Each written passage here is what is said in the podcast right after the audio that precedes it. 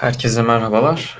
Ee, normalde her hafta e, Efe ile beraber sunuyorum ben haftalık on-chain değerlendirmesini. Bu hafta bir kısa bir özürle başlıyorum. Kendisinin maalesef uygunluğu müsait olmadı. Ben bu hafta o yüzden tek sunacağım. Çok da fazla zamanınızı almak istemiyorum. Hızlı hızlı grafikler üzerinden anlatacağım. Ee, 37. haftayla başlayalım. Öncelikle fiyat grafiği üzerinden bir iki e, yorumda bulunacağım. Bu hafta oldukça volatil geçti. Buradaki düşüşten de görebiliyorsunuz. E, haftanın en yükseği 52.849 ve en düşüğü 44.196 arasında gez, gezdik bu hafta. E, fiyatların oynaklığının arkasında vadeli piyasa işlemleri bulunmaktaydı. Bu hafta spot on chain ve vadeli işlemlerin metriklerine şey, bakın birlikte bakacağız. E, başlayalım. Öncelikle vadeli işlemlerin açık pozisyonlarıyla e, bir grafik olarak paylaşarak, paylaşarak başlayacağım. E, Salı günü yaşadığımız sert düşüşte burada görüyorsunuz 13.4 milyar dolardan 9.4 milyar dolara kadar bir açık pozisyon düşüşü yaklaşık %30 bir saatte gördük. Bitcoin'de yaklaşık bir 10 bin dolarlık düşüş görünce e, buraya da vadeli pozisyonlara da yansımış oldu. Haftanın geri kalanı ise nispeten yatay geçti burada görebiliyorsunuz ve risk iştahında göreceli olarak azaldığını söyleyebiliriz. E, vadeli işlemlerde yaşanan kayıpları daha detaylı görebilmek için bu e, long pozisyonların likidasyon dominans grafiğine bakabiliriz. O da şöyle bir grafik. Bu grafikte ikiye ayrılıyor 50'nin üstü ve 50'nin altı olarak. Burada eğer grafik 50'deyse likide olan pozisyonların %50'si long, %50'si short ve üst tarafta longlar daha fazla likide, alt tarafta shortlar daha fazla likide olmuş olarak anlıyoruz. Burada e, 7 Eylül'deki düş yaşadığımız düşüş şuradaki çizgili alanda göreceksiniz. Fiyatlar artıyorken shortlar likide oluyordu. Aşağı doğru yeşil olan ok ve fiyatların düşüşüyle birlikte longlar likide olmaya başladı ve e, yaklaşık %80'e kadar burada gördüğümüz 20 long likidasyon olduğu için shortlar 80'e aynı şekilde kadar düşerken longlarda %68'e kadar e, çıkmış bulunmakta. E, bu tarz gördüğümüz volatilitelerde vadeli işlemler bu arada. Volatilitelerde yatırımcılar pozisyonlarını hedgeleyebilmek için yani hani e, pozisyon koruma amaçlı ters yönde işlem veya e, işlem opsiyonu satın alarak opsiyon piyasasında işlem yapıyorlar. Onların grafiğine baktığımızda ise hacimde bir artış görüyoruz. Bu tarz artışlar genelde e, piyasa oynak olduğu zamanlarda yükselir. Çok normaldir. Buradaki kırmızı bölgelerden görebiliyorsunuz. Opsiyon piyasalarındaki hacimler e, Mayıs ile Temmuz arasında piyasa toparlarken şu mavi çizgileri görüyorsunuz arası. E, hacimde düşüş olarak görüyoruz. Çünkü hani piyasa kendine gelmiş. insanlar vadeli tarafa kaymış. işlemlerini gerçekleştiriyorlar. Bu hafta itibariyle 1.3 milyar dolar e, oynaklıktan dolayı opsiyon piyasasında hacim gördük. E, bir de fonlama oranlarına bakalım. Buradaki işlemler oraya da yansıyor çünkü. E, bu hafta itibariyle negatif bölgeye kısa bir süreliğine olsa düştük fakat tekrar pozitife çıktık. Burada şöyle bir durum var. E, pozitife çıktık fakat düşüş öncesi görüyorsunuz şurada gri çizgideki düşüş öncesi nispeten daha da pozitifti. Şu anda çok hani neredeyse e, yatay gidiyoruz diyebiliriz. E, bu da önemli miktarda piyasadan kaldıraçlı işlemi silindiğini bize gösteriyor. E, on-chain ve spot tarafındaki hareketliliğe bakalım bu hafta. E, öncelikle dormansi ile başlayacağız. Dormansi nedir? Çok kısa bir bilgi vereyim. Ben bunu makale olarak da mavi.com'da yayınladım. Oradan da okuyabilirsiniz. Çok kısaca şöyle söyleyeyim. Bir bitcoin bir cüzdanda hareketsiz beklediği sürece e, dormansi aslında Türkiye hareketsizlik olarak çevirebiliriz. Hareketsizlik kazanıyor. E, ama o uzun sürede hareket etmeyen coin harcandığı zaman biz bu grafikte böyle spike'lar görüyoruz. Burada e, bu haftaki düşüşte dormansi için iki ayrı önemli şey karşımıza çıkıyor. Şu en son grafiğin çentikli kısmından sonrası, mavi çentikli kısmından sonrası. İlk ilki Satış süresinde ve sonrasında şuradaki fiyat düşüşü ve aynı şekilde dormansinin yükselme işi bir hareketlilik olmadı. Aksine e, şeye geri döndü. Düşüş seviyesi düşüş seviyelerine geri döndü. İlki hare- hareket eden coinler demek ki eski coinler değilmiş. Bu grafikteki metriğimizi arttırmamışlar. Ve aynı zamanda e, bu 2020'nin boğa sezonu öncesi seviyelerine geri dönmesi de insanların hudut etmeye ağırlık verdiğini hatta buna devam ettiğini bize gösteriyor. Çünkü normalde boğa piyasasına biz girdiğimizde biz dormansinin yükselmesini bekleriz. Çünkü eski coinler satış yapacak, hareket edecekler, fiyat yükseliyor ki kar alacaklar eskiden aldıkları coinleri. Ee, eski coinlerin harcamasını daha detaylı olarak bakmak için e, Revive Supply geçen hafta da bahsettiğimiz bir metrik var. Burada Revive Supply Last Active ve şurası bir yıl. Bu bir yıl başka süreler de olabilir. 6 ay olur, 2 yıl olur. Bu grafik bize belirli bir yaş seviyesinden daha yaşlı coinlerin harekete geçip geçmediğini gösteriyor. E, tabii ki bütün blok zinciri üzerinde harekete illa geçen var ama zaten biz burada trendlere bakıyoruz. Burada 2020 boğa öncesi akümülasyon periyodundaki gördüğünüz yeşil çentikli bu bölgeye bu hafta itibariyle çıkmamışız bu bölgeden. Daha doğrusu tekrar buradayız. Yani e, biz burada fiyat düşüşünde eski coinlerin, eski coinlerde hani böyle e, uzun vadeli yatırımcı diyebiliriz. Çünkü onlar çok önce almışlar ve muhtemelen düşük fiyatlarla almışlar ama satmamışlar. E, böylelikle yüksek miktarda e, bir düşüş görmediğimizden dolayı 2000, 2020 boğa öncesi akümülasyon şimdi 2021 yılında bir yükseliş gördük ama biz genelde 2013-14'e be- benzetiyoruz grafiklerimizi. Yani fiyat beklentilerimizi en azından öyle söyleyeyim.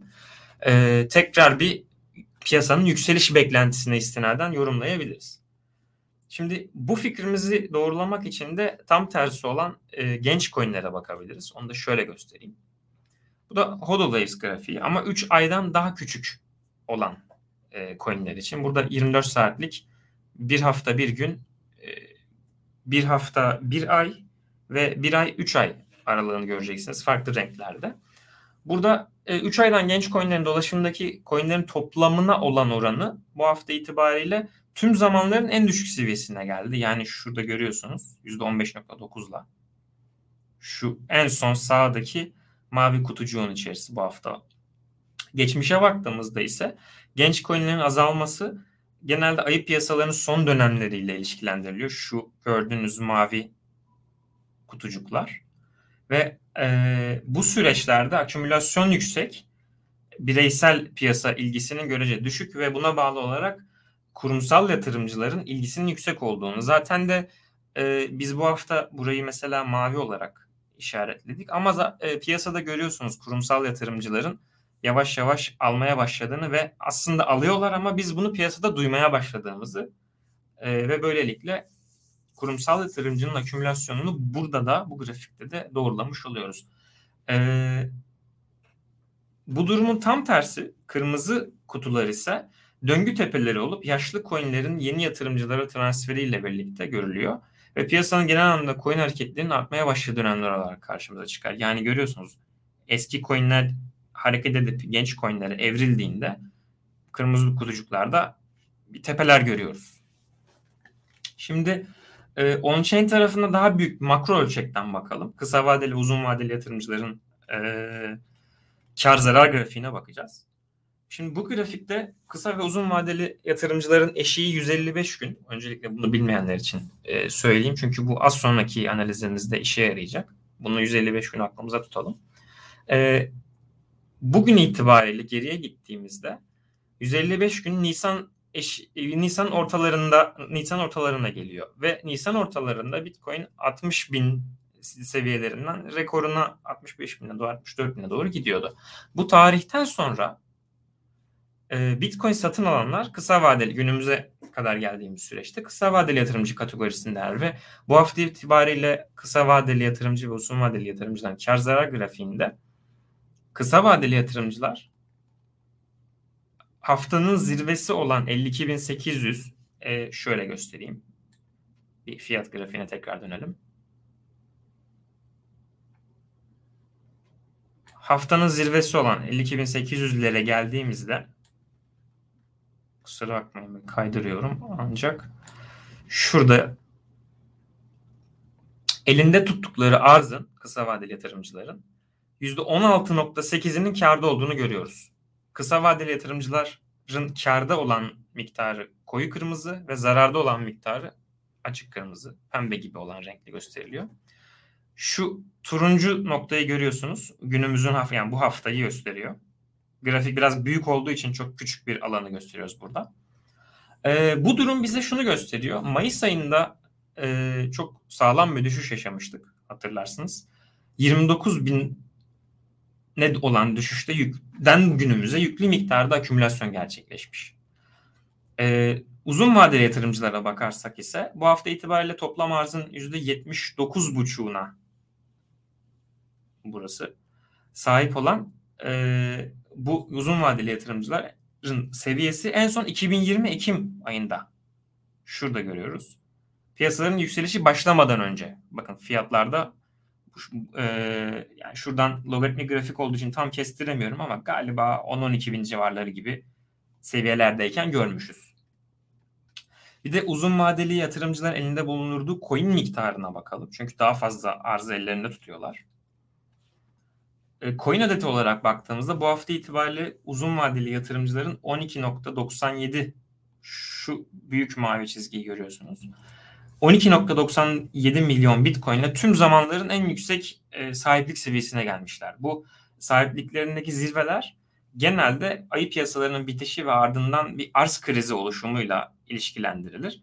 E, piyasadan coinleri çektikten sonra piyasada bulunmazlık oluşturuyorlar ve yeni bir boğa döngüsünün başlangıcında coin coinleri düşük fiyattan akümüle etmiş oluyorlar.